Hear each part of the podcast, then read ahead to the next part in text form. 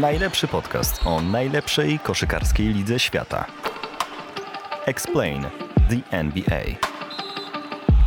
Analizują i wyjaśniają Mirosław Noculak i Radosław Spiak. Tylko na desport.pl. A więc wróciliśmy. Dawno nas nie było, z różnych powodów. Na szczęście jesteśmy z powrotem i cieszymy się, że na nas czekaliście, bo mieliśmy głosy. Gdzie jest Explain the NBA? No więc powraca i to powraca już w regularnym rytmie. Cześć Mirosławie. Witaj, witaj Radosławie. Trochę nas nie było, w związku z czym nie będziemy robili czegoś takiego jak subiektywny przegląd tygodnia. Zrobimy subiektywny przegląd miesiąca na sam początek. W ciągu ostatniego miesiąca działo się naprawdę sporo i domyślamy się, że chcielibyście usłyszeć co nieco o transferach, które przecież były, no można nawet powiedzieć, spektakularne. E, natomiast do transferów przejdziemy w tym odcinku nieco później. Najpierw skupimy się na tych aktualnościach, e, powiedzmy, które są najbliżej aktualnej daty. E, mieliśmy dopiero co All-Star Weekend. Po raz pierwszy w historii z udziałem Polaka. O Jeremym Sochanie zazwyczaj rozmawiamy w naszym podcaście na koniec, kiedy sprawdzamy co u niego, jak się rozwija, jak jego San Antonio Spurs, a dzisiaj od niego zaczniemy. Dlatego, że e, brał udział w piątek e, w meczu Rising Stars. Jego drużyna zajęła drugie miejsce. Jak ci się podobało? Tak, ta formuła jest niezła. Ta, ta formuła jest dobra. E, trzy mecze z tym, że wolałbym, żeby gdybym miał jaki, jaki, prawo do głosu w tej sprawie, to wolałbym, żeby ten mecz finałowy był do 40 punktów, a eliminacje, czyli półfinały na przykład do 30 albo do 35, bo wtedy ta ekspozycja finałowa byłaby dużo ciekawsza, uważam. Też mi się tak wydaje. Ale wiesz co, jak tak patrzyłem na Jeremiego, to, znaczy, to co mi się najbardziej podobało w nim i co ten weekend gwiazd, czy w jego przypadku dzień uwypuklił, to jest to, jak szybko on się wpasował w tę ligę. Tak. I nie chodzi tylko o to, co robi na boisku, ale także poza boiskiem i te interakcje z kolegami. Trochę inaczej wyglądają interakcje z kolegami z drużyny klubowej, gdzie jesteś z nimi przez cały czas, a inaczej w trakcie takiego weekendu gwiazd, gdzie dopiero co ich poznajesz tak naprawdę, no nie wiem, spędzasz z nimi dwa, trzy dni maksymalnie, a on już tutaj ich nakręcał, hej, jak trafię z połowy, to co, zmieniasz kolor włosów, nie? Albo coś w tym i gadka od razu. Widać, że chłopak jest na swoim miejscu po prostu. Tak, to jest jego liga, na pewno. I to, e, to e, przejawia się, tak jak powiedziałeś, w wielu, wielu sytuacjach, ale myślę, że tutaj oprócz tego, że Jeremy sam ma taką z jednej strony otwartą osobowość, a z drugiej strony jest e, no, dosyć takim twardym gościem, wydaje się. Ma, ma charakter, ma e, już prawie, że ukształtowaną osobowość, choć to o tym nigdy nie można mówić e, do końca, bo przecież nasze osobowości kształtują się do, do finału, że się tak wydarzy, naszego istnienia, więc, więc tutaj w każdym razie jest na dobrej drodze, żeby, żeby właśnie stać się taką silną osobą i to jest, mm, to jest wyraźne. I myślę też, że w ogóle czytałem w internecie, że, że sam sztab szkoleniowy San Antonio Spurs jest trochę zaskoczony, jak szybko on się rozwija. To jest raz, ale dwa, że tak? Tak, mów, mów, mów. Znaczy, dwa, chciałem powiedzieć, że y, myślę też, że liga coraz bardziej zauważa Jeremiego w takim sensie, że on jest nie tylko wartościowy E, koszykarsko, ale też poza koszykarsko. Na przykład teraz przed weekendem gwiazd e, znany portal sportowy w Stanach Zjednoczonych Sporting News zaprosił Jeremiego do napisania czteroodcinkowego bloga. I pierwszy odcinek ukazał się właśnie tuż przed weekendem gwiazd. E, I w tym pierwszym odcinku bloga Jeremy na przykład pisze o swojej relacji z Gregiem Popowiczem. Pisze, że Greg Popowicz zabiera go na kolację czy na obiady. I nie tylko jego oczywiście, ale w ogóle młodych zawodników. I rozmawia z nimi nie tylko o koszykówce, ale też też o tym, co dzieje się na świecie, na przykład. I to właśnie chciałem, o tym chciałem właśnie powiedzieć, że tu istotną rolę w tym, że Jeremy tak e, płynnie e, zmienił e, status juniora studenta w zawodowca, to myślę, że bardzo duży w tym udział ma Greg Popowicz. A fakt, że zanim trafił do NBA, zanim jeszcze w ogóle trafił do NCAA tak naprawdę, był w środowisku no jak on sam powiedział podczas y, y, wieczoru draftowego, kiedy siedział przed kamerą telewizji ESPN ze swoją matką e, Anetą, powiedział, że on już wcześniej grał z dorosłymi, że miał okazję trenować przeciwko profesjonalistom i że to daje mu tę pewność siebie w sytuacji, kiedy trafia do ligi profesjonalistów.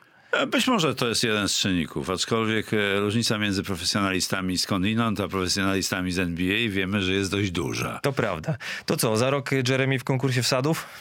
Me, Ja jakoś nie widzę go w tym konkursie. On, Tak prowokacyjnie trochę tak, zapytałem. bo on, myślę, że on y, właśnie chyba, że jemu chyba nie zależy na jakichś takich super indywidualnych e, osiągnięciach. On ma jakąś taką niebywałą równowagę jak tak, na tak młodego człowieka między właśnie eksponowaniem siebie i graniem dla zespołu. To jest, y, y, to jest niezwykle ważne i to jest dojrzałe, powiedziałbym. My dużo mówimy o Jeremim. Tutaj y, ja słyszę wiele głosów, że to w ogóle za dużo tym, o tym Sochanie i tak dalej. Kto, to- a kto to jest? I to są w ogóle jakieś e, polskie kompleksy, więc y, będziemy mówić dużo o Jeremy Sochanie, dlatego że on jest wart tego po prostu. A będzie jeszcze bardziej, mamy nadzieję przynajmniej. Miejmy nadzieję, tak, tak. Drugi dzień weekendu gwiazd, czyli konkursy. Byłeś w studiu Kanal Plus przez całą noc, który transmitowało to wydarzenie. I nie E, zasnąłem. I nie zasnąłeś. Nie zasnąłem. E, znaczy, zacznijmy w ogóle od tego, e, jak ci się podobał konkurs paczek, jak ty to mówisz? Tak, tak, tak. Tam była ciekawa dyskusja na temat. E, e, Ja zostanę przy wsadach, ale... E, Okej, okej, nie ma problemu. Jak lubisz, e, lubisz e, wytapianie stali, to why not? Także tu jest, e, e, to- był bardzo dobry konkurs. Dlatego, że ostatnie konkursy nie były zachwycające i, i by- były wrę- ja, ja nie pamiętam poprzedniego konkursu w ogóle z, z tego, z tego All Star. Pamiętam dobrze e, konkurs, te, ten e, konkurs e, umiejętności, który był bardzo emocjonujący, bo w dogrywce wygrał Cleveland m, z e, Rookies. Ten konkurs mógł się podobać i ten Mac McClung. To jest w ogóle moim zdaniem taki mm, e, taki gracz, który jest bliżej tych e, profesjonalnych pakowaczy niż, niż czy Packersów, ci pozostali, którzy startowali i to było widać. Zresztą Lipek o tym wspominał, że on się wzoruje na tych profesjonalnych właśnie zawodnikach, którzy się zajmują tym, tym, tym, tą dziedziną sztuki koszkarskiej. To wyjaśnijmy słuchaczom Lipek, czyli Rafał Lipiński, polski mistrz mistrz świata. świata, w, w. Pięciokrotnie. Sam widziałem go e, w Mistrzostwach e, Świata 3 na 3 w Nantes w 2017 na żywo. No i to jest faktycznie specjalista w swoim fachu. Tak ja, ci, ja ci powiem tak, Mirosławie. Sam konkurs podobał mi się pod tym względem, że był jeden naprawdę rewelacyjny wsad, czyli ten, kiedy McClung przeskoczył dwóch tak naprawdę ludzi, jeszcze obił piłkę o tablicę tablicę, tak. i wsadził. Fajne w tym było to, że trzeba było tak naprawdę powtórek, żeby zobaczyć, że on obił piłkę o tablicę. To Otóż zrobił to. tak szybko. Tak, Oczywiście trzeba to było zrobić tak szybko. Natomiast mam trochę problem z tym, że właśnie w takim konkursie jak konkurs wsadów z roku na rok coraz bardziej widać, że to niekoniecznie jest weekend gwiazd. Ja tak sobie przypominam stare konkursy, gdzie najlepszy oczywiście 2000 rok i Oakland. Byli Vince Carter, byli Tracy McGrady, Ale on nie Steve był gwiazdą Francis. wtedy. Jak to nie? Oczywiście, że był. Vince Carter w 2000. sophomore. sophomore. No to był, no dobra, ale to nie znaczy, że nie był gwiazdą. A już na pewno był zawodnikiem o wyższym statusie niż ci, którzy w ostatnich latach startują w konkursie paczek. Nie zgadza się, że o wyższym znacznie niż e, Mac McClung, ale, ale 2005 rok. Amare Stademeyer na przykład. Wtedy zresztą pomagał mu Steve Nash. Potem byli, nie wiem, Dwight Howard na przykład.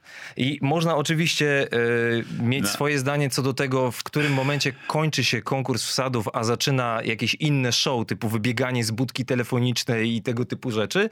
Ale dla mnie Weekend Gwiazd powinien być jednak Weekendem Gwiazd. czyli nie, pasuje ci nie pasują ci goście do definicji. Właśnie chciałem zakończyć to tym, że wolę oglądać fajne wsady nawet nieznanych zawodników niż nieudane wsady gwiazd, ale najbardziej jednak chciałbym oglądać udane wsady gwiazd. No to jak dojdziemy do, do All-Star Game, to tam mamy stężenie gwiazd niesamowite, ale ciekaw jestem, co ty na ten temat powiesz. Znaczy, jedyne, co mi się w miarę podobało, przy czym zaznaczam w miarę przy tym meczu gwiazd, to była końcówka trzeciej kwarty, kiedy Jason Tatum pograł trochę jeden na jednego z Jalenem Brownem, no bo tego tak. nigdzie indziej nie mamy okazji oglądać. No tak. Na treningi Boston Celtics wstępu nie mamy, E, w związku z czym to było fajne, też publiczność się trochę ożywiła, pozostali koszykarze zostawili im miejsce, zostawili im przestrzeń do tego, żeby sobie trochę pograli przeciwko sobie nawzajem. Poza tym absolutny dramat. I jak nie dziwię się trenerowi Michaelowi Malone'owi, który powiedział, że to był absolutnie najgorszy mecz koszykówki, w jakim kiedykolwiek wziął udział. A on to powiedział wprost. On to powiedział wprost i się nie wahał, bo, bo rzeczywiście ja widziałem jeden mecz gwiazd na żywco. Znaczy dwa widziałem, ale jeden, który po prostu gra e, gwiazd była dla mnie fascynująca. Alan Iverson 2001, Waszyngton, oczywiście wschód. Wschód przegrywał na 10 minut przed końcem 21 punktem. Zmobilizowali się, wygrali. To, co robił Iverson na boisku w tej czwartej kwarcie zdobył 15 punktów, ale to, co mnie najbardziej zafascynowało, to zobaczenie Alana Iversona z bliska. Ja byłem 10 metrów od, od, od parkietu. Z bliska, z jaką niebywałą szybkością on się przy prędkością porusza z piłką i w ogóle. Tego w telewizji aż tak dobrze nie widać. Więc to było niesamowite. I, no i ta końcówka, kiedy, kiedy Marlboro trafił dwie trójki, w tym na zwycięstwo i Mutombo miał 22 zbiórki, no oglądało się to fantastycznie. I takie mecze gwiazd bym chciał oglądać. Tyle z mojej strony. No ja sobie odświeżyłem, nawet widziałem w internecie urywki chociażby meczu gwiazd e, o ile dobrze pamiętam, to był 92 rok, gdzie oczywiście było trochę zabawy, było efektownych wsadów, ale jednak była jakaś tam rywalizacja, a nie po prostu odpuszczanie i... Wiesz, konkurs trójek bez żadnych obciążeń to był tak naprawdę. Jason Tatum, Tatum przegrał konkurs e, trójek samotnie a tutaj nazwywał punktów, jakiś rekord pobił kolejny NBA. E, I e, ja, ja ciągle czekam na taki moment, kiedy, kiedy Jason Tatum stanie się graczem kluczowym, w tym sensie, że zdobywa punkty w ważnych momentach. E, życzyłem mu, żeby wygrał konkurs trójek, bo jemu tego brakuje. Widzę ostatni finał pokazał mu, gdzie rosną poziomki pan Steph Curry, prawda? I on w najważniejszych momentach nie zdobywał punktów. Jeżeli chce zostać mistrzem, to musi być e, zawodnikiem kluczowym w ostatnich minutach. A co ciekawe, że w tej dziesiątce e, klucz, e, tych clutch players, czy jak to po polsku będzie? Tych najbardziej w... Decydujących koń... Decydują... Najlepsi w decydujących momentach, tak, najważniejszych, w końcówkach. To wyobraź sobie, że, że jest tylko czterech z pierwszej szóstki graczy. Nie ma ani z Milwaukee nikogo, ani z Bostonu, ani z Denver. Także to jest ciekawe. W sezonie zasadniczym ci goście są, są którzy mają zdobyć, zdobyć potencjalnie tytuł, są poza tym rankingiem jak na razie. Ja nie chciałbym tutaj zabrzmieć, e, że o, kiedyś to było i wszystko było takie wspaniałe, bo sam się nie zgadzam z tym, że kiedyś to NBA była lepsza i że lata 90. Y, forever i tak dalej, że teraz koszykówka, mecze ogólnie, sezon i sama liga jest lepsza. Ale co się tyczy meczu gwiazd, no po prostu nie mogę tego oglądać. Autentycznie nie mogę tego oglądać. Zgadzam się z tobą w pełni, dlatego e, wywołałem e, mecz gwiazd z Waszyngtonu, bo o tym, który był dwa dni temu czy trzy dni temu, nie chce mi się w ogóle mówić. Dobrze, to cofnijmy się teraz trochę Mirosławie, skończmy z weekendem gwiazd, ponieważ robimy subiektywny przegląd miesiąca, to cofniemy się o dwa tygodnie jeszcze do co tu dużo mówić, historycznego, wręcz epokowego wydarzenia, kiedy LeBron James w meczu przeciwko Oklahoma City Thunder pobił rekord Karima Abdullah-Jabara w liczbie punktów zdobytych w karierze w sezonie zasadniczym. Podkreślam i podkreślam to nieprzypadkowo, dlatego że o ile jak obejrzałem ten mecz, a oglądałem go z odtworzenia, wiedząc już, że LeBron pobił ten rekord, no to nie miałem ciarków na plecach, że tak się wyrażę, ale również nie miałem ich z tego względu, że tak naprawdę, dla mnie przynajmniej, LeBron James został najlepszym strzelcem w historii NBA już rok temu. W lutym 2022, bo już wtedy miał najwięcej punktów w historii, tylko że sezon zasadniczy plus playoffy. Ale ponieważ Amerykanie mają te, no nie wiem, manierę, czy po prostu zwyczaj, żeby te punkty rozdzielać, to tak naprawdę oficjalnie został najlepszym strzelcem teraz. No. I powiem tak, dla Los Angeles Lakers i dla niego samego dobrze, że się to w końcu stało i że można się skupić na czymś innym. Bo miałem wrażenie, że przez cały ten sezon, może nawet część poprzedniego, to był temat numer jeden w tej drużynie. Kiedy LeBron pobije ten rekord? W końcu go pobił, let's move on, jak to się mówi, patrzmy do przodu i zajmijmy się tym, co jest teraz do zrobienia. Zgadzam się, absolutnie. Tutaj mm, LeBron, y, ja oglądałem ten mecz na żywo, ale ale po prostu mm, e, no, te rekordy mnie aż tak bardzo nie kręcą. Owszem, czasami lubię o nich wspomnieć niekiedy przy jakichś okazjach pojedynczych, ale generalnie, żebym się tym fascynował, to nie. Natomiast natychmiast mnie naszła refleksja taka, że LeBron co prawda został królem strzelców, ale ten mecz pokazał, że najważniejsza jest, najważniejszy jest zespół. I Oklahoma opitoliła kolegów z Los Angeles w tym meczu, w którym LeBron zdobył, popełnił ten rekord. Zatem y, to jest oczywiście być może taka małostkowa refleksja w, w, w świetle tej, tej, tej, tego wielkiego wydarzenia według NBA. No ale, ale taka, taka myślę, że to bardziej strona trenerska tutaj zadecydowała o tym, że tak pomyślałem żeby była jasność, ja wcale Lebronowi nie umniejszam tego osiągnięcia, bo to jest jednak duże jest, wydarzenie. Tak, Najlepszy strzelec w historii najlepszej ligi świata. No. I też ciekawe, że zdobył to w 20 sezonie swojej gry tak jak Abdul, ale on ma jeszcze przed sobą może kilka. No i tylko pamiętajmy też, że Abdul Jabbar przez e, większość kariery grał, kiedy nie było linii rzutów za trzy punkty też. W sensie on sam też a, za trzy nie rzucał, no ale, ale, ale, wiadomo o co chodzi. E, jeszcze jedna rzecz, na którą chciałem zwrócić przy tym uwagę i która dla mnie była z kolei znacząca z mojego punktu widzenia. E, wiem, że trochę się o tym pisało i rozmawiało. E, Anthony Davis po tym meczu musiał się tłumaczyć, dlaczego on tak nie świętował tego celnego rzutu Lebrona, tego historycznego, kiedy pobił rekord Jabara i się tłumaczył, że, że był chwilę wcześniej wcześniej w szatni, że coś tam go bolało i że wrócił i nie wiedział, że to jest ten historyczny rzut. Chłopie, o czym ty pitolisz? Cała nie. hala czeka, cała hala celebruje, a ty tam sobie siedzisz. Okej, okay, może sobie nie, nie mówię, że musisz jakoś się tym ekscytować, ale nie wciskaj ludziom takiego kitu, no naprawdę. Ja mam, ja mam, ja mam problem z oceną e, Antonego Davisa, bo on jest e, super graczem, jeżeli chodzi o umiejętności i, i możliwości, ale jako facet to bym to, y, to jest dla mnie y, cipa po prostu i tyle. Jeśli chodzi o Los Angeles Lakers i o to, co jeszcze z nimi może się wydarzyć w tym sezonie, to jeszcze obiecuję, że w tym odcinku porozmawiamy. Natomiast zanim jeszcze przejdziemy do tego, co działo się, jeśli chodzi o transfery, to informacja no w zasadzie dosłownie z wczoraj. Nagrywamy ten podcast w środę. Kolejna zmiana trenera w NBA. Nate McMillan nie jest już szkoleniowcem Atlanta Hawks. Chwilowo zastąpi go, przynajmniej chwilowo, zastąpi go jeden z jego dotychczasowych asystentów, czyli Joe Prunty, który wywodzi się powiedzmy z tego drzewa genealogicznego Grega Popowicza, bo między, między 2000 a 2005 rokiem zdobył z San Antonio e, dwa tytuły jako asystent. Zaskoczony? E, odejściem Macmillana. Mówiło się od Nawet nie tyle odejściem, no zwolnieniem. No zwolnieniem. Mówiło się o tym od jakiegoś czasu. No, tam e, podobno plotki głoszą, że był konflikt między nim a Trae Youngiem.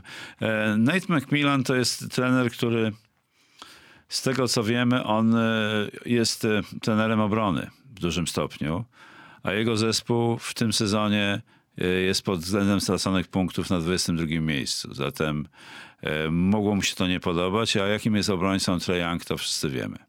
Jeśli chodzi o tę sytuację z Trey Youngiem, była taka sytuacja w tym sezonie, kiedy Trey Young e, nie chciał brać udziału w przedmeczowej rozgrzewce, mówił, że coś tam go boli, a Macmillan powiedział, nie przyjdziesz na rozgrzewkę, to nie grasz w meczu w ogóle. Prosta zasada trenerska. I Young w ogóle nawet się nie pojawił na ławce rezerwowych, nie wspierał swoich kolegów, nie zagrał w tym meczu. I e, Nate McMillan nie tylko ta sytuacja, ale ogólnie mówi się o nim, że jest takim trenerem starej daty w tym względzie, że, że on się nie układa z zawodnikami. W sensie układa, że oczywiście stara się z nimi żyć dobrze, natomiast nie jest to trener, z którym można się bawić. Tak, no myślę, że on wyznacza granice po prostu. Tak widać z, z daleka, że on, że on może wyznacza, wyznaczać granice. E, z jednymi graczami z, się to udaje, z innymi nie. Tutaj trafił na, na tego Trejanga, który jest dość kapryśnym, nieznośnym e, bachorem, zatem e, mógł mieć problem z wdrażaniem swoich zasad. E, I teraz moim zdaniem, teraz problemem Atlanty będzie Trae Young. I jednocześnie być może rozwiązaniem tego problemu. Pytanie, czy on sam zdaje sobie z tego sprawę, bo teraz los Atlanty, a która płaci mu za y, kilka lat 215 milionów dolarów, przypominam, że jak dalej będzie rozkapryszonym dzieciakiem, to ta drużyna się po prostu rozpadnie. A mówimy o drużynie, która dwa sezony temu doszła do finału konferencji, przypominam. W świetnym stylu. Więc zwolnienie Nate'a McMillana w moim mniemaniu nie rozwiązuje problemu. I niezależnie od tego, jaki trener teraz przyjdzie, bo mówi się, że yy, Quinn Snyder ma się pojawić w Atlancie chociażby, to będzie miał ten sam problem. Czyli jak ustawić Trey Younga tak, żeby ten no, z tobą współpracował, mówiąc krótko. A Na, na dodatek można się obawiać, to trochę znam z praktyki, można się obawiać, że taki Trae Young pomyśli sobie, zwolniłem tego, to zwolnij następnego, spoko, spoko. Także bardzo trudny do, orzech do zgryzienia i trener, który, który przejmie ten zespół już jako główny, to, y, to musi rozwiązać tę sytuację z nim. Być może Trae Young, ja nie wątpię w to, bo ja zawsze optymistycznie podchodzę do, pracy z trudnymi zawodnikami, być może Trae Young jest do ułożenia. Być może trzeba innej metody do nie, w stosunku do niego niż stosował e, Nate McMillan. Tego nie wiemy, to są tylko przypuszczenia. Atlanta w tym momencie jest na ósmym miejscu na wschodzie, ma bilans 29 i 30 i obawiam się, że jeśli nie wejdzie do playoffów, no bo jeśli będzie między siódmym a dziesiątym, to będzie jeszcze grała play-iny, to ta drużyna i tak będzie musiała przejść przebudowę. Bo już nic z tego nie będzie, moim zdaniem. Zwłaszcza jeśli Trey Young nie zmieni swojego nastawienia. Poczekajmy, zobaczymy. No to co, Mirosławie, przechodzimy do transferów? Jasne. Ogromnie dużo się działo przy okazji trade deadline. E, niektórzy nawet twierdzą, że za dużo. Ja się zgadzam z tym, że to był chyba najbardziej gorący trade deadline w ogóle w historii NBA. A nie zapowiadało się wcale. A nie zapowiadało się, no właśnie. Ale jak już ruszyło, to się nie mogło zatrzymać. W związku z czym zaczniemy od tego, co działo się jeszcze dwa dni przed trade deadline, bo y, wymiana na linii e, Brooklyn Nets. Dallas Mavericks miała miejsce 7 lutego. Oczywiście najważniejszy składnik tej wymiany, czyli Kyrie Irving, powędrował do Dallas Mavericks i jest teraz kolegą Luki Doncicia. I zaczniemy od tego transferu również dlatego, że mamy przynajmniej małą próbkę możliwości tego, jak to będzie wyglądało albo jak to wygląda, bo panowie zagrali ze sobą na razie trzykrotnie. Wszystkie mecze przegrało Dallas. I co ty o tym sądzisz? No to jest, e, to jest, nie chciałbym się tutaj bawić w psychologizowanie. To jest moim zdaniem z punktu widzenia e, trenerskiego, to jest po prostu dopasowanie tych dwóch gwiazd do siebie i ich obudowanie takimi zawodnikami, żeby oni funkcjonowali jak najlepiej. I to jest robota Jasona Kida, bez wątpienia. Czy to jest możliwe? To jest pytanie bardzo otwarte, bo e, wiedząc jaką, jakim typem, jakim, jaki charakter ma trudny e, Kyrie Irving i jakim e, sowizdżałem jest Luka Doncic, takim w tym sensie, że, że wataszką, takim gościem, który nie lubi, jak mu się zabiera sprzed nosa kotlet schabowy. Także to może być, to może być problem, ale to jest problem Jasona Kida. Jak to będzie wyglądało? Nie próbuję sobie tego na razie wyobrazić.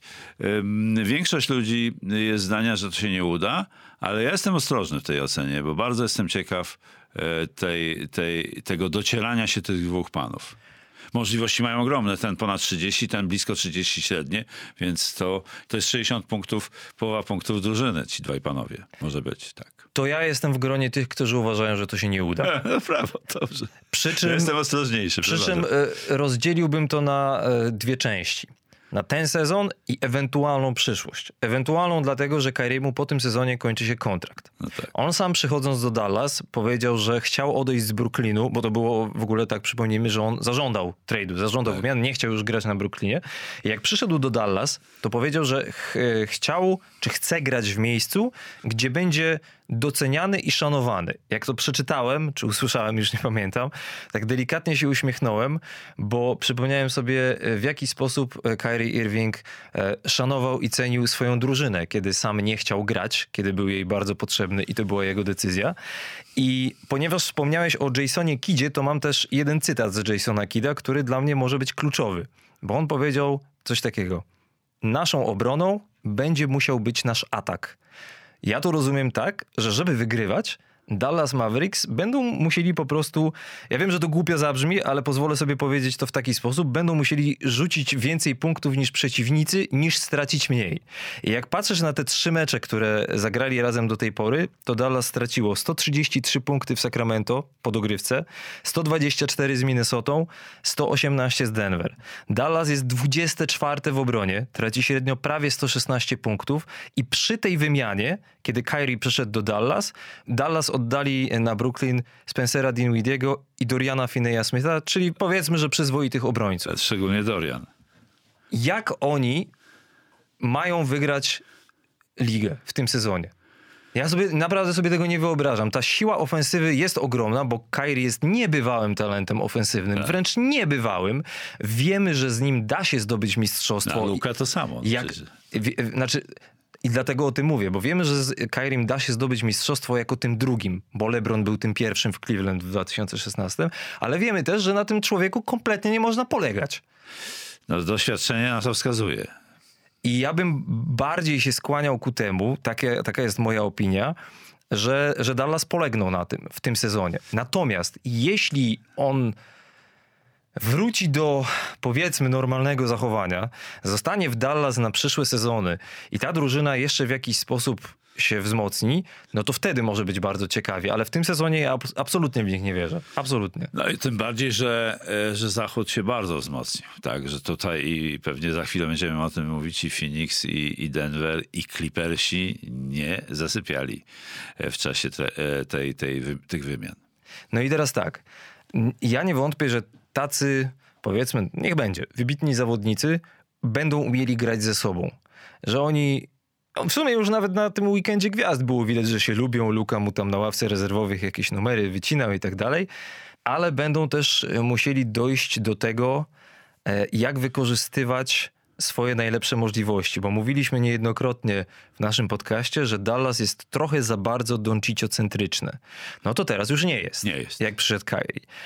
Ale pamiętam bardzo dobrze, jak LeBron James przechodził do Miami, do Dwayna Wade'a i trochę czasu zajęło, naprawdę to było dość dużo czasu, zanim oni się dotarli w tym sensie, że nie mieli takiej mentalności teraz ty grasz, teraz ja gram, teraz ty grasz, teraz ja gram.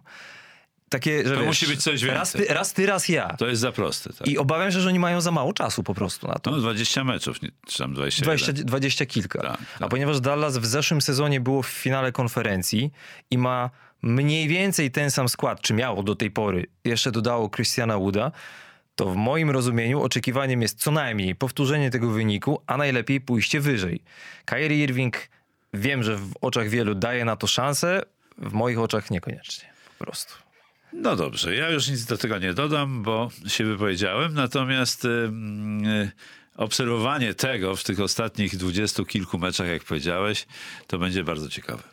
No i Wszystkich tych zespołów, które, które są w pierwszej szóstce e, zachodu. No a jeśli chodzi o Dallas, w tym momencie szóste miejsce, 31 wygranych i 29 porażek. Pół meczu nad strefą play-in, ale też 2,5 meczu do trzeciego miejsca, Właśnie. które aktualnie Sacramento. zajmują Sacramento Kings. No i jak już Kyrie z tego Brooklynu w cudzysłowie został uwolniony, to okazało się, że Kevin Durant też już tam długo nie pogra i dosłownie kilka dni później, w kto wie czy nie najgłośniejszym transferze w historii w ogóle trade deadline, Kevin Durant przeniósł się do Phoenix Suns w, razem z TJ'em Warrenem. W drugą stronę powędrowali Michael Bridges, Cameron Johnson w cholerę pików draftowych, zresztą większość niezastrzeżonych. Mieliśmy jedno pytanie na Twitterze, już nie pamiętam od kogo, czym jest pik zastrzeżony, niezastrzeżony. No chodzi o to, że w niektórych wymianach kluby sobie zastrzegają, że jeśli na przykład w danym drafcie, powiedzmy tak jak Phoenix oddało e, pik w pierwszej rundzie, dajmy na to 2027, to jeśli w tym roku na przykład zastrzegą miejsca 1-5, czyli jeśli w tym roku wylosują któreś z tych miejsc, to ten pik zostaje, ten wybór zostaje ich, a jeśli nie, to wtedy wędruje do Brooklynu. Po prostu są różne zastrzeżenia, jeśli chodzi o miejsca w drafcie. E, a więc Phoenix oddało Bridgesa i Johnsona i to była w ogóle wymiana czterodrużynowa, gdzie do Indiany jeszcze z Milwaukee powędrowali George Hill, Sergi Ibaka, Jordan Nwora, a do Milwaukee Jay Crowder i tym się też zajmiemy. Natomiast Mirosławie, no nie da się ukryć, że Phoenix z miejsca, podkreślam z miejsca, przeszli z mentalności fajnie byłoby znowu wrócić do finału, tak jak byliśmy tam dwa lata temu, do jeśli tego nie wygramy, to będzie nasza porażka. Tak, e, to niewątpliwie e, zadanie przed, e, przed Monty Williamsem jest ogromne, żeby to, to poukładać, ale tam jest dużo ciekawych rozwiązań po dojściu e, Kevina, bo tak naprawdę to dojście powoduje, że ich najlepszy środkowy musi mieć dużo więcej miejsca do gry, a on jest w polu 3 sekund jeszcze nie takim zwierzakiem, jak można by się spodziewać. Potrzebuje trochę miejsca na te swoje półhaki, na te dosyć e, jeszcze nie, niedoku- niezbyt precyzyjne manewry, e, żeby, żeby te punkty zdobywać. No a poza tym, jeżeli go osaczą, to ma cztery opcje na obwodzie ludzi rzucających z dystansu. W tym również e, no, e, Chris Paul, który ma blisko 400% skuteczność za trzy. Zatem no jest to dla, dla obrony to jest masa, masa bardzo, ma, bardzo trudne zadanie. Granie przeciwko tej drużynie. Przy czym Phoenix wygląda nieprawdopodobnie mocno na papierze, zwłaszcza jeśli chodzi o pierwszą piątkę. Ale jeśli już chodzi o rezerwy, no to aż No. tak dobrze to teraz nie wygląda. Mimo wszystko, moim zdaniem. Pierwsza piątka jest na papierze najlepsza w NBA, Tak. moim zdaniem. Kwestia jest tego typu, no bo oczywiście Kevin Durant jeszcze nie zagrał żadnego meczu dla Phoenix Suns, wciąż leczy kontuzję. Mówiło się o tym, że niedługo po weekendzie gwiazd ma zagrać swój pierwszy mecz w barwach nowego zespołu. Cały czas na ten pierwszy mecz czekamy. On sam, kiedy przyszedł do, do Phoenix, było takie spotkanie w, w hali klubu, kiedy on mówił, że jego zdaniem, żeby stworzyć dobrą chemię w drużynie pełnej gwiazd, bo to jest drużyna pełna gwiazd, tak to trzeba określić, e, to się wszystko powinno zacząć od trenera. I teraz, z Twojego punktu widzenia, czy on spycha z siebie odpowiedzialność, czy mówi prawdę? No być może, być może się nieostrożnie wypowiedział. Bo on, on powiedział coś takiego. We wszystkich świetnych drużynach, w jakich grałem, zawsze to trener był liderem. No to jest, y, to jest generalnie, to jest dosyć, y, dosyć taka dyskusyjna sprawa, aczkolwiek ci, którzy zdobywali najwięcej mistrzostw, na pewno typami liderów są. E, Phil Jackson nie wygląda, a jest liderem, absolutnym był liderem. Jeżeli radził sobie z takimi gośćmi, których wymieniać tutaj nawet nie, nie, nie, nie ma sensu. Greg Popowicz to jest kolejny przykład, który z przeróżnymi ludźmi sobie radził. Zatem Steve Kerr, który wydawałby się pozornie, że jest trenerem takim no, e, koncyliacyjnym i delikatnym, jest twardym gościem. Więc to, to mówi, mówi, e, ma rację e, Kevin Durant, że Monty musi sobie z tym poradzić. No dobra, to teraz Twoim zdaniem, zakładając, że wszyscy są zdrowi, jak się zmienia pozycja Phoenix Suns w kontekście do końca tego sezonu? Znaczy ja myślę, że oni, y, to, zależy właśnie od tej, od tej głębi, y, czy, czy ci rezerwowi będą w stanie, w stanie dawać do, na tyle istotne zmiany, żeby, e, żeby to, co pierwsza piątka może wykręcić, to czy to się, czy to się uda, to skomponować. No są faworytem, stali się faworytem nagle. Do tytułu. Takim numer jeden? No jednym z numerów jeden, bo jeszcze o wschodzie nic nie mówiliśmy, bo na, moim zdaniem tam Milwaukee i Boston ma, będą, mogą mieć dużo do powiedzenia. Ale nie wykluczam na zachodzie. Na zachodzie absolutnie w tej chwili, chociaż Denver może się też obronić, bo Denver też ciekawe zmiany zrobił.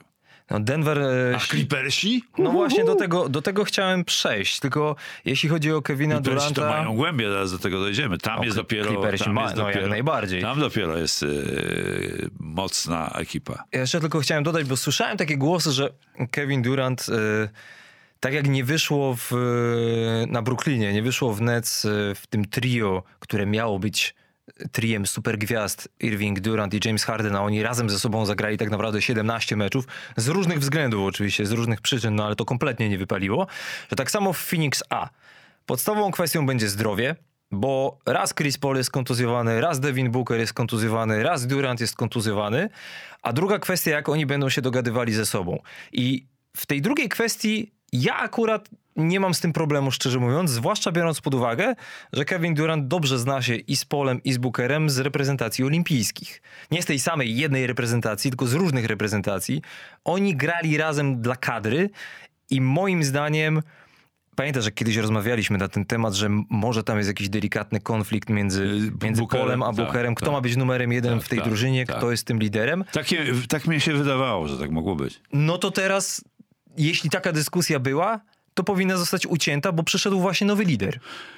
Tak, ale e, jest tutaj jeszcze jedno zdanie dodam, e, że tu oprócz Monte, Monty Williamsa bardzo dużą rolę musi, może odegrać Chris Paul. Jako bardzo doświadczony rozgrywający, jednocześnie może to być taki typ, e, znaczy to jest szeryf na pewno, e, Chris Paul. I jak on znajdzie się w roli takiego nie, nie numer jeden, a szeryfa, bo to jest ciekawe połączenie. Że wcale szeryf nie musi być wcale graczem numer jeden, super strzelcem. I tak na pewno będzie. To jest, e, to jest, to jest zadanie dla, dla Chrisa Paula niesamowite. I jak to Monty Williams wykorzysta, to jest kolejne pytanie. A nie boisz się trochę o obronę? Bez Bridgesa zwłaszcza? No, Bridges to jest najlepszy obrońca według mnie i e, od, od dwóch lat, ale, ale, ale e, no, mogą być problemy z obroną. Zobaczymy, to jest, ja jestem bardzo ciekaw tego, tego, tej końcówki zach- na zachodzie. No dobra, to zostajemy na zachodzie. Russell Westbrook, wprawdzie to się oficjalnie jeszcze nie wydarzyło, ale ma zostać zawodnikiem Los Angeles Clippers i wszystko na to wskazuje, że zostanie. Po tym jak Los Angeles Lakers oddali go w wymianie do Utah Jazz, do Lakers przyszli e, Malik Beasley i Jared Vanderbilt z Utah i D'Angelo Russell wrócił do Los Angeles po kilku latach, tym razem z Minnesoty. To była akurat wymiana trzyzespołowa. Westbrook trafił do Utah. Tam nastąpił e, buyout, czyli wykupienie kontraktu, gdzie tutaj też pamiętam była prośba o wytłumaczenie o co chodzi, że e, no po prostu zawodnik dogaduje się z klubem, że przykładowo zrzeka się części swojej pensji po to, żeby móc zostać wolnym zawodnikiem i podpisać kontrakt gdzie indziej. Russell Westbrook ewidentnie w Utah nie chciał grać. Utah też myślę brało go z takim, z takim zamysłem z tyłu głowy, że, że pewnie nie będziemy go trzymali, że puścimy go wolno. E, No i Westbrook ma trafić do Los Angeles Clippers. No i teraz się robi ciekawie, dlatego że jak o tym usłyszałem, to miałem takie, to się nie może udać. To nie będzie dobry ruch, ale im dłużej, zwłaszcza dzisiaj, jak się nad tym zastanawiałem, No. to wpadały mi do głowy takie argumenty, że a może jednak, ale zanim do nich przejdę, to chciałem oddać tobie głos, bo wiem, że masz coś do powiedzenia. Znaczy na ja uważam z punktu widzenia takiego e, trenerskiego, zawsze to podkreślam, czyli jak, jak można wykorzystać, w jaki sposób można wykorzystać Westbrooka w tej drużynie. Tam nie ma rozgrywającego. W tej chwili podejściu e, Jacksona i Johna Walla. Johna Walla, no on, John Wall w końcu miał powyżej 10 średnio punktów w tym, w tym sezonie, zatem to, to dwa nazwiska znane. I teraz, e, teraz potrzebują rozgrywającego na pewno e, Clippersi. Bo, e, bo potrzebują. I teraz jak to rozwiąże Tyron Lu? Bo problem jest taki, że Russell Westbrook nie jest strzelcem ostatnio. Rzuty z W dystansu. ogóle nie jest. E, No powiedzmy, że, że, że szczególnie ostatnio, bo ma, zatrzyma poniżej 30% i co, naj, co najgorsze, za dwa ma poniżej 50, czyli z, z gry ma poniżej 50, bo to razem liczone z, z rzutami za trzy. Czyli z gry ma poniżej 50, więc to nie jest rokująca wielkie nadzieje e, s- skuteczność, ale z drugiej strony ma wokół siebie takich graczy, których jeżeli Tyron Lu odpowiednio pokieruje nim, czyli nie pozwoli mu kozłować piłki za dużo, a szczególnie przeprowadzać, bo będą go odpuszczać, nie, nie, nie będą go kryć e, w ogóle Russella Westbrooka i on dopiero w drugie tempo, po kilku ruchach dostanie piłkę, tak sobie to wyobrażam, gdybym ja był trenerem e, Clippersów. Można sobie pomarzyć, prawda? I on jest dobrym graczem, który dobrze, dobre, dobrze mi- mija obrońców, dobrze wchodzi pod kosz i ma możliwość rozrzucenia wtedy do aż czterech, do czterech graczy. Do Zubaca albo Plamli który przyszedł z, Hornets. I to, to, jest, to jest pierwsza możliwość podkoszowa, bo oni manewrowi to za bardzo nie są. Ani jeden, ani drugi, ale z podkosza trafią. Natomiast e, na obwodzie będzie miał Kawhi, będzie miał, e, będzie miał e, Paula George'a i będzie miał jeszcze Morisa, strzelców, czy, czy Norm, e, Norma, e, nie Normana, tak, Normana Powella. Więc to jest silna ekipa. I to, to Westbrook może taką robotę wykonać. Ja mam problem z tym, że, że dla mnie, po pierwsze, Westbrook, żeby być efektywnym, potrzebuje mieć piłkę. A właśnie trzeba mu ją zabrać. No i właśnie teraz pytanie, czy on będzie w stanie być efektywny, bo w Clippers masz już dwóch zawodników, którzy też potrzebują piłki, żeby być efektywni. Może nie aż tak bardzo, ale też. Zwłaszcza, że jest ich dwóch, no to już wtedy problem się powiększa. Czyli, Szczególnie czyli Paul- i George i Paul- Leonard. Paul- Paul. Szczególnie, szczególnie Paul George. Tak, Paul George. I dla mnie największym problemem, jeśli chodzi o Westbrooka, patrząc na jego poprzednie lata, jest jego mental i nastawienie, bo on przez lata był wojownikiem. Był autentycznym wojownikiem, który dawał z siebie absolutnie przysłowiowe, nie lubię tego, tych określeń, ale przysłowiowe 110% na każdym centymetrze parkietu i tak dalej, i tak dalej. I mam wrażenie, że on w ostatnich latach, a zwłaszcza w Los Angeles Lakers, gdzie atmosfera totalnie siadła, e, on po prostu nie był sobą i już nie był się w stanie z tego wydostać. Były jakieś pojedyncze przebłyski, ale generalnie był odpuszczany, tak jak mówiłeś na obwodzie, rzucał te swoje cegły, nie trafiał, kibice się z niego śmiali, e, rywale go odpuszczali bardziej niż nawet słabszych strzelców niż on, ale takich, którzy mieli trochę lepszą selekcję rzutową, no bo on, on po prostu się dawał na to nabierać wiele, wiele razy, albo przepraszam za wyrażenie, miał wyjebane, jak to się, jak to się I, brzydko i on, mówi. on jest, I dlatego ten, ten mental mnie tak... on jest neurotyczny i sam siebie po, po, potrafi podkręcić. Ja mówię, a może, a może tym razem trafię. Ja myślę, że, że tu jest ogromna rola Ty- e, Tyrona Lu. Tak, Gracze, tu się zgodzę. e, gracze jak, e, jak on... Jak on raz, rasa ustawi w tych właśnie rozwiązaniach, e, żeby ograniczyć jego, jego błędy, a wykorzystać te atuty, o których mówiłem, bo błędem jest na pewno posiadanie piłki i, i prowadzenie gry, e, bo w takim, takim e, tradycyjnym rozumieniu, że on gra z piłką dużo. To raczej, e, to raczej się, moim zdaniem, może nie udać, raczej się nie uda. Natomiast, e, natomiast e, i także ograniczenie, w jakiś, jak ma dotrzeć Tyron Lu do tego, żeby on, żeby on poprawił naj, jedną z najważniejszych rzeczy w koszykówce, czyli decyzyjność. Czy to jest możliwe? To jest pytanie e, z mojej strony. Czy jest możliwe, żeby raz poprawił decyzyjność? Zwłaszcza w tak krótkim czasie, dodajmy, no bo jesteśmy no już czasu. w dwóch trzecich sezonu zasadniczego. Dlatego ja powiedziałem o tym byciu efektywnym z piłką, dlatego że to był jeden z powodów, dla których w Lakers wchodził do gry z ławki. Bo będąc w pierwszej piątce po prostu zabierał piłkę czy Lebronowi, czy Antonemu Davisowi. Oczywiście zabierał w cudzysłowie, żeby była jasność. I miałem takie wrażenie, że jemu to po prostu nie pasuje, że on jest, nie jest zadowolony z tego, nie wiem, czy nie umie grać z ławki rezerwowych, czy nie był szczęśliwy z tego powodu, że trener go nie wystawiał w końcówkach meczów i nawet nie mówię tylko o Darwinie Hamie, ale też o Franku Vogelu we wcześniejszych sezonach. A w Clippers może być, może, bo tego nie wiemy, się dowiemy, może być w podobnej pozycji. I dlatego mam sporo wątpliwości, ale jeśli ktoś e, może nad tym zapanować, to moim zdaniem jest właśnie Tyron Lu, który e, moim zdaniem jest jednak mimo wszystko niedocenianym trenerem. E, I jeśli chodzi o plus, bo powiedziałem na początku, że zacząłem znajdować, znajdować argumenty, dla których być może Westbrook będzie jednak dobrym pomysłem, to jest obrona. No, obrona Clippers. Mhm. Dlatego, że z nim, Widziałem mecz Phoenix e, Clippers. dlatego, że Nie z nim... pograć kompletnie Phoenix. No, dlatego, że z nim jeszcze Clippers mogą sobie tak ustawić obronę, że Paul George albo Kawhi Leonard będą bronili najlepszych rozgrywających. Na przykład spokojnie sobie wyobrażam takie ustawienie, że oni wtedy idą na przykład na Jamala Murray'a z Denver albo na De'Arona Foxa. W sensie mówię o, Le- o Lenardzie albo o George'u. A Westbrook zajmuje się kimś innym, bo umiejętności obronne ma. Tak. I mental w obronie w jego przypadku myślę nie będzie problemem, zwłaszcza, że akurat zostaje w Los Angeles, skąd jest, Skąd bo, jest, bo tak. on jest przecież z Long Beach. I myślę, że będzie chciał jeszcze dodatkowo, y, będzie zmotywowany, żeby y, wbić y, szpilę Lakers. A Lakers mogą się nie liczyć w tym sezonie. Także nie będzie miał w co wbijać. Znaczy nawet nie chodzi mi o mecze bezpośrednie, tylko chodzi o to, że, że Clippers coś osiągną, a Lakers przykładowo nie wejdą do playoffów. No właśnie to miałem na myśli, No to tak, drugie, no, że no ich tak. nie będzie po prostu w playoffach. Tak, tak się może zdarzyć. Porobiło się, co? Naprawdę się porobiło. Fantastycznie się pozmieniało i, i się zrobiło bardzo ciekawie.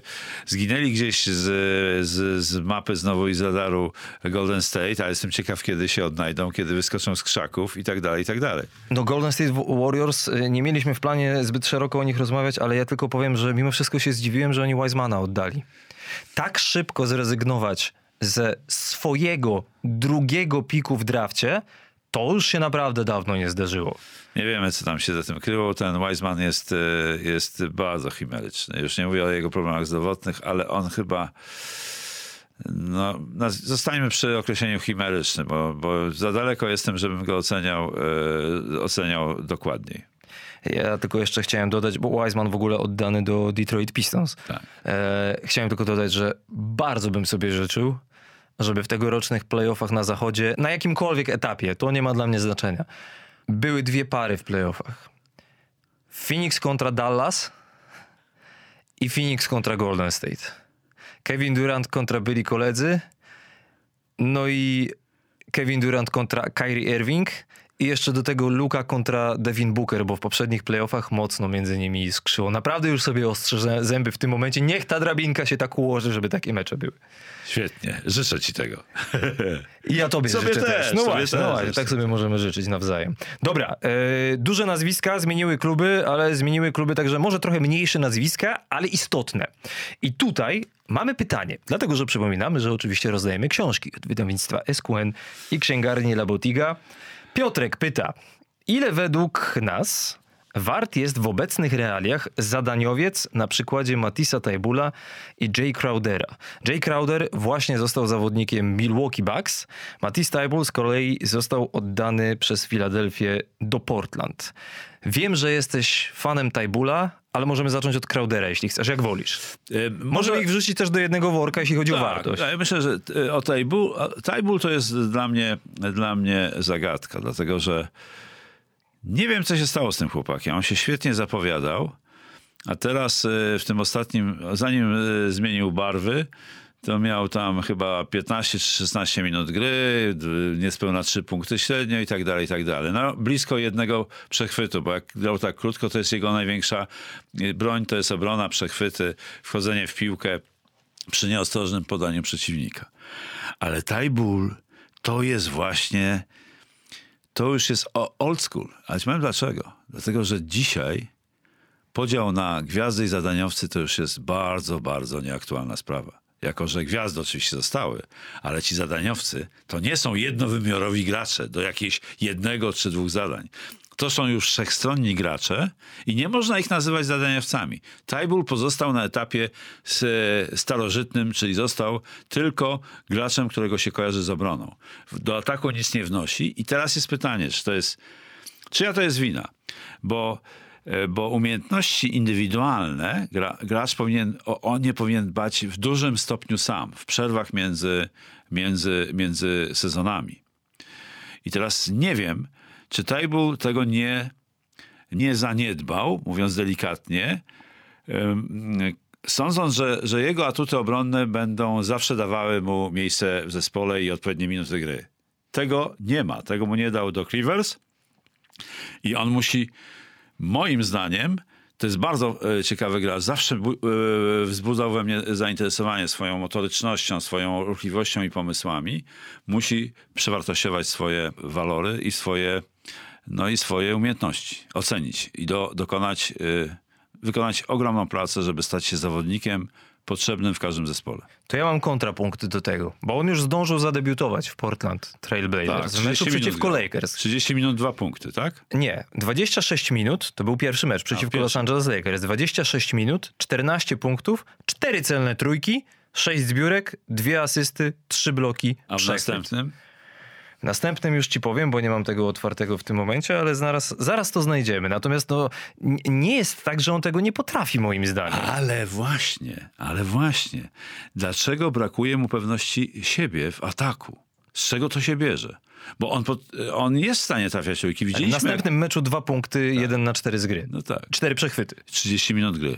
Tak. Przeciwko Jedna z zbiórka. Waszyngtonowi. Jedna zbiórka. I zdaje się. przegrali 25. Jedna zbiórka. Więc zobacz, yy, yy, brakuje mi, mi, mi, moim zdaniem takiej pewności siebie i stabilności w tym, w tym ataku. On musi nad tym mocno pracować. Po prostu, jeżeli chce być wartościowym graczem, a potencjał ma. Ja zawsze widziałem w nim ogromny potencjał. Zastanawiam się, jak się rozwinie. I zginął w, tym, w tej Filadelfii zupełnie e, zagubiony na końcu ławki przez, e, przez e, Doca Riversa. Nie mówię, że to jest wina Doca Riversa, tylko że, że Doc Rivers uznał, że nie ma sensu go e, zbyt angażować. No ale w Portland niewątpliwie się przyda, Wiesz dlaczego? jeszcze? mając obok siebie Lillarda i Simonsa. Simonsa, Raz, przepraszam. tak, e, Simonsa, ale też e, ma innego trenera. Chauncey'a Billa. Chancey Billups zawsze był zwolennikiem twardej obrony i w ogóle twardych e, gości, więc, e, więc on może lepiej do niego dotrze. Może, może te, te rzeczy, o których ja mówiłem, w nim rozbudzi i, i, i ten Tajbul w następnym, czy to młody chłopak, to jest 25 lat, tak? To, to jeszcze odzyska, bo ja naprawdę zawsze e, lubiłem go oglądać. No, znaczy, e, tak, Mati Stajbul to jest rocznik 97, ma 25. Zaraz skończy zresztą 26 26, lat, tak, tak. 4 marca. E, Jay Crowder z kolei przeniósł się do Milwaukee przy okazji e, tej wymiany czterozespołowej z udziałem Kevina Duranta. Bardzo mi się podoba ta wymiana z punktu widzenia Milwaukee z e, trzech powodów. Po pierwsze, Jay Crowder bardzo pasuje moim zdaniem do zespołu walczącego o mistrzostwo. Sam dwa razy z rzędu był w finałach z Miami i z Phoenix, Phoenix. 2020-2021. Wie, że nie będzie młodszy i sam by chciał zmaksymalizować swoje szanse na pierwsze mistrzostwo, to na pewno.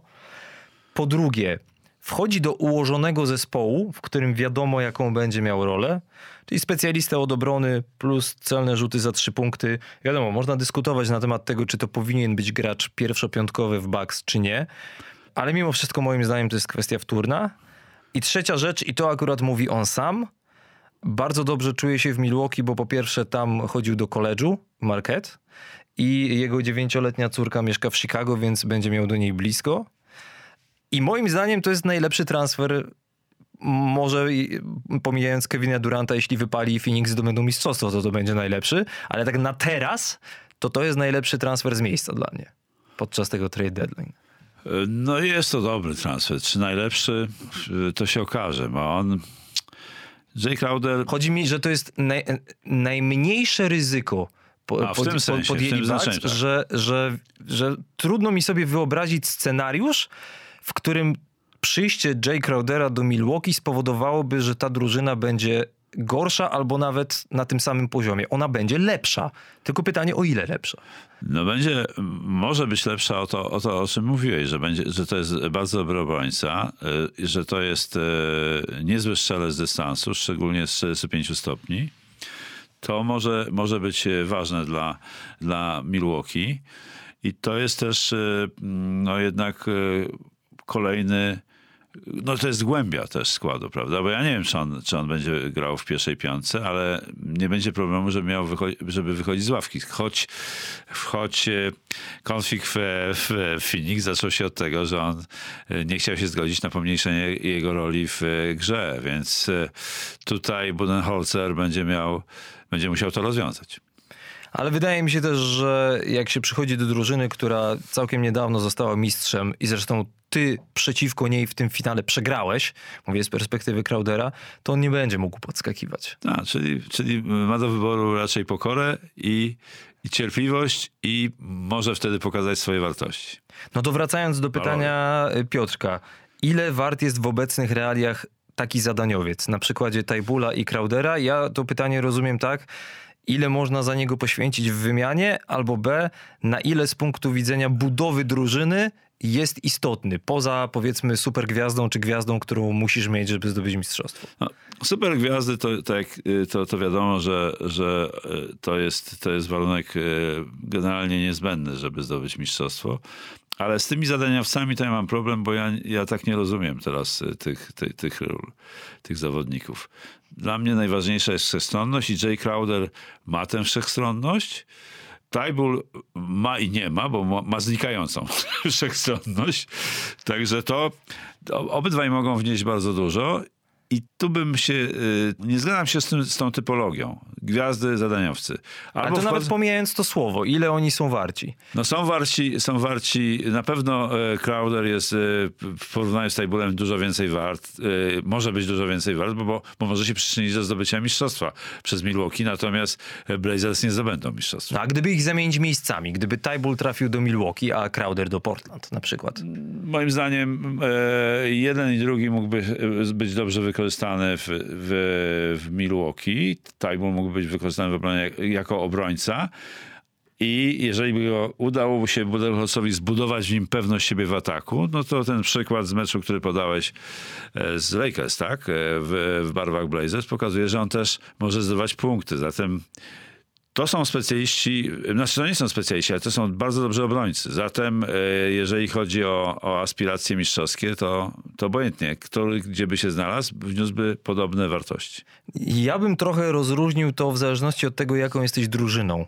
Dlatego, że jeśli jesteś drużyną walczącą o najwyższe cele, to taki, już zostanę przy tym słowie, y, zadaniowiec, może być wart naprawdę dużo, bo może być tym brakującym elementem układanki, tym jednym elementem, którego brakuje do mistrzostwa typu PJ Tucker w Milwaukee dwa lata temu. No to jest, to jest podobna sytuacja z Crowderem. A jak jesteś taką drużyną powiedzmy no średnią, typu Portland, to owszem, takie przyjście Matisa Tajbula y, może ci dać e, zdecydowanie lepszą obronę, E, ale to nie jest zawodnik, który zmieni oblicze zespołu. Nie zmieni. I jakby to był Crowder, to też by nie zmienił. Ani jeden, ani drugi by moim zdaniem wielkiego wpływu na, na Portland, na zmianę y, wizerunku Portland nie mieli. Natomiast, natomiast Milwaukee i jeden i drugi mógłby wypełnić za, y, bardzo dobrze zadanie, z tym, że Crowder wydaje się trochę wszechstronniejszy, ale z drugiej strony też nie, bo potencjał, potencjał e, Tajbula jest potencjał, mówię o motoryce, o, o wieku, jest dużo większy niż Crowdera.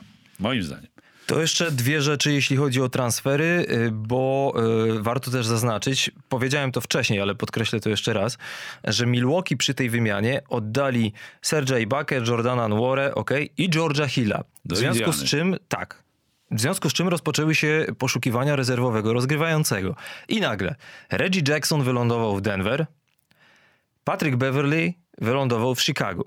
Więc w Milwaukee jeszcze będzie ciekawie, bo tam ktoś jeszcze na pozycji numer jeden się znajdzie. I jeśli to będzie John Wall, przykładowo, to też może być śmiesznie. Nie wpuszczą Johna Walla. Też mi się nie wydaje. Eee, ale jeszcze te, te dwa nazwiska, tak, tak na, na szybko już. Znaczy ruch, ruch Denver z Jacksonem, bardzo dobry. Mnie też się bardzo podoba i wiesz co ci chciałem powiedzieć, jak pomyślałem sobie, że e, jak jechałem tutaj i myślałem o tym, że będziemy o tym rozmawiali, wiem, że ty nie jesteś wielkim fanem e, Reggie'ego Jacksona. Ja go lubię, ale mnie wkurza jednocześnie. Tak jak go lubię, tak, mnie, tak samo mnie wkurza. Zdecydowanie, zdecydowanie bardziej wolę go w tej roli w Denver, w jakiej będzie, niż w tej, w której był w Clippers i jednocześnie moim zdaniem Denver bardzo dużo zyskało że to będzie teraz Reggie Jackson zamiast Highlanda, bo ja Highlandowi kompletnie nie ufam, jeśli chodzi o decyzyjność. Jak mu zaczną wpadać rzuty, może trafić wszystkim. Znaczy on ma problemy wiesz, Może trafić nawet krzesłem. Więc, Ale on... jak grasz w drużynie walczącej o mistrzostwo, to musisz być bardziej pod kontrolą. Nie jest w ogóle, nie ma szans, żeby był pod kontrolą ten gość, przynajmniej na razie. Highland, mówię o Highlandzie. O Highlandzie tak. mówimy, tak. I, I to jest problem z jego, z jego wyborami, decyzyjnością. Bardzo poważna sprawa. A on jest w Clippers jeszcze teraz, zaznaczmy. Tak, tak. Więc... Więc tam ma, tam ma e, wokół siebie takich graczy, którzy na za dużo mu nie pozwolą może wylądować na końcu ławki. Dlatego ten ruch jest e, ważny e, Clippersów z Westbrookiem. No i Reggie Jackson w Denver. Oj, to jest bardzo ciekawe uzupełnienie składu Denver. Obok Jamala Murray'a na boisku, czy zamiast niego? E, może być jedno i drugie. Bo, on, bo, on, bo oni mogą grać w różnych ustawieniach, bo Reggie Jackson może grać jako dwójka. E, mimo że nie ma parametrów, ale może, bo to jest, bo, bo on się czuje, on się generalnie na wodzie czuje bardzo dobrze, Reggie Jackson. Natomiast on ma, on jest skurzający z tą swoją szaleńcą. Mnie to dotyczy tylko, e, znaczy moja ocena jest taka, być może e, inni tego nie dostrzegają, ale podobno jest bardzo dobrym duchem w szatni i ma taką fajną, podobno taką, e, taką dobrą relację, spo, relacje społeczne poza, e, poza klubem. Poza, poza... To już z czasów Oklahoma City też takie tak, historie że, słyszałem. Że, tak. że on jest takim społecznościowcem, można powiedzieć. Aktywistą społecznym. O, tak bym to określił. Nie zapomnę historii z szatni Oklahoma City. Nie, zabij mnie, nie przypomnę sobie, który to był sezon, ale była taka historia w Oklahoma City, że Russell Westbrook po meczu, gdzie dziennikarze w NBA wchodzą do szatni, po prostu mają takie prawo, żeby tam e, porozmawiać, nagrać jakieś e, odpowiedzi, gdzie Westbrook postraszył któregoś dziennikarza, powiedział, że to nie jest krzesło dla ciebie, to jest krzesło dla nas, zawodników. No i ten dziennikarz tam pokornie przeprosił, wstał i stał, a Reggie Jackson przyniósł mu krzesło. I podobno relacja Westbrooka z Jacksonem wtedy mocno się zawaliła, bo Reggie Jackson był miły dla dziennikarza, dla którego on chwilę wcześniej nie był miły. No to Więc- jest, to, to jest taki, podałeś taki przykład, który może niepokoić kolesiów w Clippersach, chociaż podobno przyje, przy, chcą go przyjąć z otwartymi ramionami. E, natomiast robota dla Tyrona Lu, No Westbrook też jest na innym etapie kariery, ale No. jeszcze to ostatnie nazwisko, Patrick Beverley w Chicago. Przyznam, że trochę szkoda mi kibiców Chicago, wcale nie dlatego, że tam przyszedł Beverley, tylko dlatego, że właśnie się okazało, że Lonzo Ball nie zagra do końca sezonu, tak, to jest a on nie gra od stycznia zeszłego roku. Miał dwie operacje lewego kolana i opuścił bardzo dużo meczów. I aż nie wiem, co powiedzieć. Naprawdę. W sensie Patrick Beverley fajnie, ale co to zmienia w sytuacji, kiedy nie ma Lonzo Balla? E, No, nie zastąpi na pewno e, Lonzo Bola e, Patryk B, bo to nie ma szans. Natomiast, natomiast Chicago jest drużyną bez, bez mojo, bez, może nie tyle mojo, co bez charyzmy. Tam nie ma charyzmatycznego przywódcy. Ani, ani Lawin nie jest taki. Demar DeRozan nie. Wucewicz nie. A to są główni gracze. Patrick Williams to jest też yy, yy, taki cichapęk koleś, ma nieprawdopodobne możliwości, ale nie jest typem lidera. Natomiast Pat Beverly może ich tam rozruszać pod tym względem. W sensie wzmożenia emocjonalnego w tym zespole, bo tego chyba potrzebują Chicago. Nie wiem, tak sobie to wyobrażam. Yy, Nie jestem wielkim miłośnikiem, bo mnie wkurza z tymi swoimi tam e, wygłupami. Niech się w końcu zamknie, nie? Tak, nie, To wygłupami. poprowadzę Znaczy, Los Angeles Lakers do finału zachodu, no jasne. nie, Wiesz, on trochę za dużo tego robi, bo gdyby to robił umiarkowanie, to by nie, nie, nie, było, nie byłoby o czym mówić. Natomiast, no tak, myślę, że to może być taki ruch. Ciekaw jestem bardzo, jak on wpłynie na, na, to, o, na te braki, o których wspomniałem. Widoczne dla mnie, być może się mylę. Chicago Bulls w tym momencie na 11 miejscu na wschodzie, 26 zwycięstw, 33 porażki, dwa mecze do ostatniego miejsca do fazy play-in, czyli do dziesiątych Toronto Raptors, dwa mecze straty. No działo się naprawdę bardzo dużo, jeśli chodzi o transfery. Sam jestem zaskoczony, że aż tak dużo, ale dzięki temu mamy o czym rozmawiać w sytuacji, kiedy przez kilka dni nie ma meczów. E, mecze teraz e, wrócą e, w nocy z czwartku na piątek po weekendzie gwiazd, więc będziemy bacznie się przyglądali temu, co się będzie działo, zwłaszcza w Phoenix i w Los Angeles Clippers, jak się już tylko Kevin Durant wykuruje, jak już tylko Russell Westbrook oficjalnie w końcu tam trafi. Natomiast e, na koniec naszego podcastu, tego odcinka, bo już, godzinka praktycznie, to postanowiliśmy z Mirosławem, że e, wrócimy do małego naszego kącika, którego dawno, dawno nie było. Mowa o kąciku kulturalnym, bo my przecież jesteśmy e, kulturalni ludzie. Więc Tak, ja, ja uważam, że mnie mama dobrze wychowała. ja też tak uważam, że cię mama dobrze wychowała. w związku z czym e, porozmawiamy trochę o kulturze, a konkretnie o filmie, który niedawno miał premierę na Netflixie. E, film o Billu Russellu, który zmarł w przerwie między poprzednim sezonem a obecnym. W wieku 88 lat zmarł Bill Russell, absolutna legenda NBA. Człowiek, o którym myślę najprościej powiedzieć, że więcej mistrzowskich pierścieni niż palców u rąk. E, film czy serial w zasadzie e, Dwuczęściowy. dwuczęściowy łącznie ponad trzygodzinny. I ja mam kilka przemyśleń związanych z tym filmem jako filmem i z niektórymi rzeczami, które pokazuje. E, zacząłbym od filmu. E, jest po prostu sztampowy, moim zdaniem.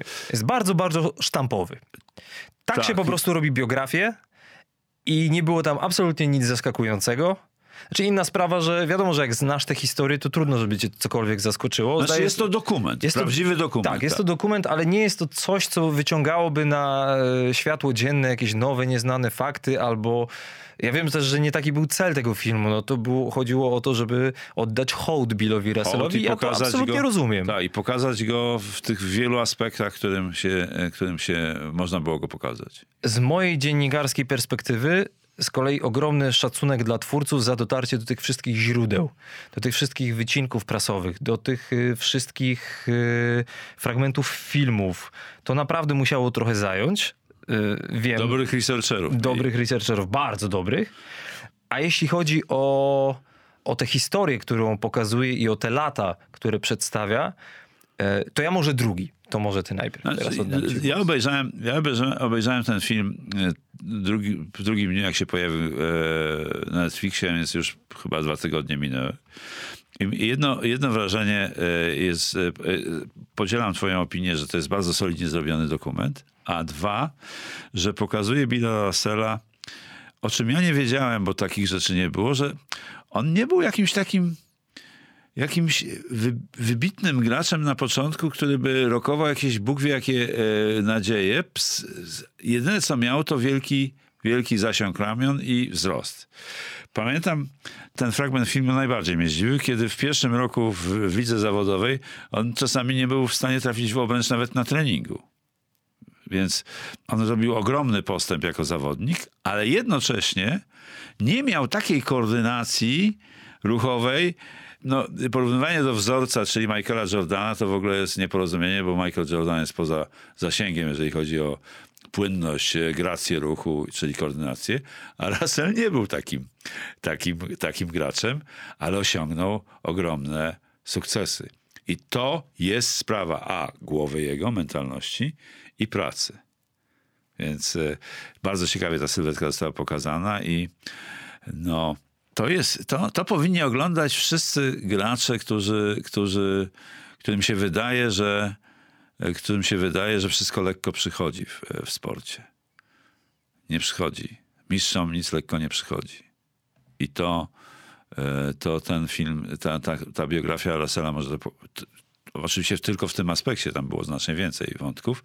No i najbardziej taki, najbardziej taki śmieszny to sposób, jaki, spo, jak się śmiał, zaśmiewał. Zaraźliwe to było. Zaraźliwe, zaraźliwe Russell, I to nazywali niektórzy rechotem dosłownie ten jego śmiech. No, o wątkach, wątkach jego społecznych myślę, że ty trochę więcej zaangażowania społecznego, trochę więcej powiesz. Dla mnie wybitna postać i hołd absolutnie należny dla tego pana. Wielka postać, chociaż też wbrew pozorom bo mało się o tym mówi, nie bez kontrowersji. Kiedy na przykład odmawiał podpisywania autografów, co w tamtym czasie było uznane za przejaw po prostu bufoniady, i kiedy powiedział, że on nie gra dla Bostonu, tylko on gra dla Celtics, konkretnie dla klubu, e, było... No, bo to tutaj mogły być te, wiesz, te, te polityczne Właśnie, sprawy. właśnie o to... No, nie będziemy, jak to się zwykło mówić, nie będziemy spoilowali całego filmu, bo może część z was nie zna całej historii Billa Russella, natomiast jednym tylko zdaniem odniosę się do tego, co mówisz, e, że on po, on po prostu późno zaczął. Tak. On zaczął grać w koszykówkę tak naprawdę w ostatniej klasie szkoły średniej. Obecnie to jest nie do wyobrażenia. I jak oglądałem ten film, sobie wynotowałem tutaj specjalnie na karteczce, nawet robiłem pauzę, yy, zanotowałem sobie swoje przemyślenia, żeby nie zapomnieć. E, najbardziej zwróciłem uwagę na rzeczy związane czysto z koszykówką. Mam na myśli to, że jak się patrzy na, na te mecze z lat 60., to nie licząc powiedzmy właśnie ludzi typu Billa Russella, Wilta Chamberlaina, to to w dużej mierze był small ball. To było w dużej mierze granie zawodnikami do dwóch metrów, tam trzech powiedzmy, takie, takie Toronto Raptors obecne przeniesione w lata 60. Częściowo, oczywiście hiperbolizuję teraz, ale, ale trochę tak to wyglądało, to raz.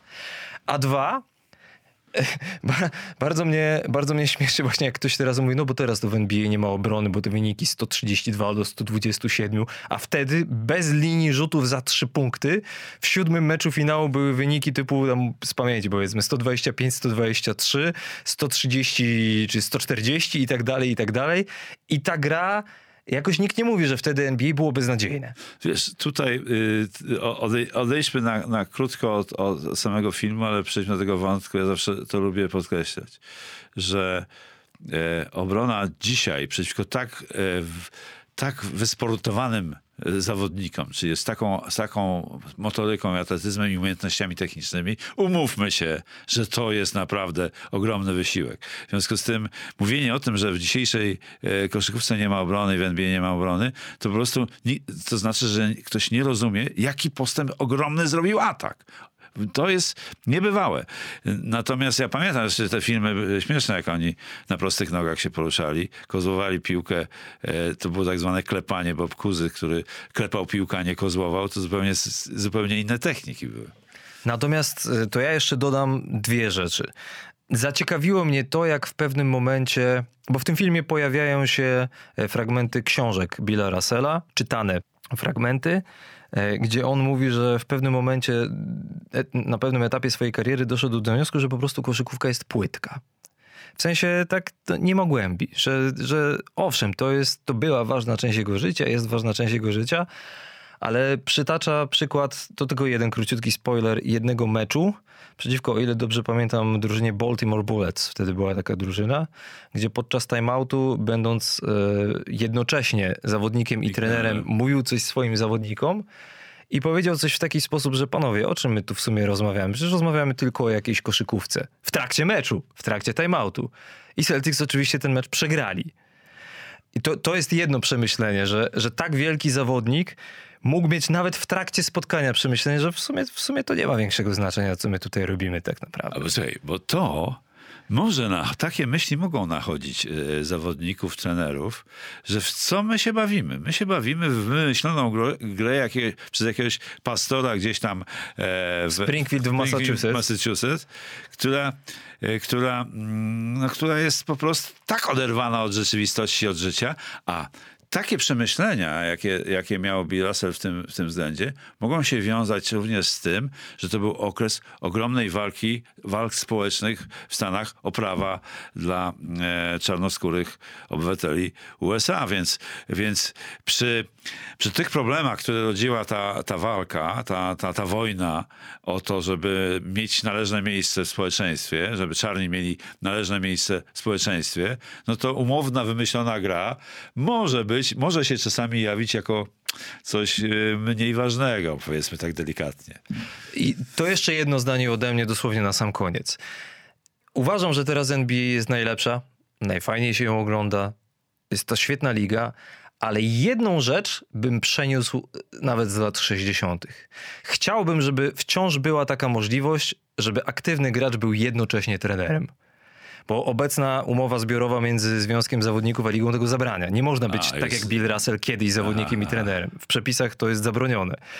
Ale przyznasz, że jest to fascynujące. Nie. Jak na najwy... nie. nie? nie? Dla mnie jest to fascynujące. Jak na naj... najwyższym zawodowym poziomie jednocześnie jesteś graczem, biegasz po parkiecie, musisz reagować na to, co się dzieje i jednocześnie trenujesz zespół. To jest pomieszanie z poplątaniem, mówię ci jako trener. Absolutnie. Ja grałem w Dbasz o swoje miejsce pracy, no rozumiem. Nie, nie, nie, nie, nie, nie, to nie to. Ja doświadczyłem czegoś takiego, że grałem w drużynie, w której trener był pierwszym rozgrywającym. Mnie zepchnął do rogu na, na skrzydło, a ja nie umiałem rzucać. W związku z tym uważam, że to jest nieporozumienie. Między innymi, to w, w nowoczesnej koszykówce nie ma szans na taką kombinacje. Ale to ty masz e, osobiste doświadczenia. Nie tylko, takie. nie tylko, nie tylko. Nie, no. tylko nie, z tego, nie tylko z tego wywodzę tę myśl. Po prostu musi być ewidentne rozdzielenie ról. Ale ja mogę z kolei powiedzieć, że Bill Russell w ten sposób zdobył dwa tytuły na przykład. W latach 60. Czyli, że obecnie by to już nie zadziałało? Nie przejdzie.